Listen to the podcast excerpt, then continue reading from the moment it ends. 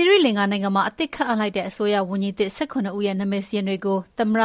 Gotabaya Rajapaksa က တနင်္လာနေ့မှာ ကြေညာခဲ့ပါတယ်။ဒါပေမဲ့လည်း စီးပွားရေးချွတ်ခြုံကျလာတဲ့ နိုင်ငံအကျပ်အတည်းတွေအပေါ် အစိုးရရဲ့ ကိုင်တွယ်ပုံကို မကျေနပ်ရာက ဆန္ဒပြပွဲတွေ ပေါ်ပေါက်နေတာကြောင့် သူ့မိသားစုဝင်တွေတော့ မပါတော့ပါဘူး။ သီရိလင်္ကာနိုင်ငံရဲ့ပြဿနာတွေကိုအဖြေရှာတဲ့နေရာမှာဖွဲ့စည်းအုပ်ချုပ်ပုံကိုပြောင်းပစ်တာမျိုးလည်းဖြစ်ကောင်းဖြစ်နိုင်ပါတယ်လို့ဝန်ကြီးသစ်တွေကိုပြောကြားတဲ့မိန့်ခွန်းထဲမှာသမ္မတကထည့်သွင်းပြောကြားခဲ့ကြောင်းသမ္မတရုံးရဲ့ကြေညာချက်မှာဖော်ပြထားပါတယ်။"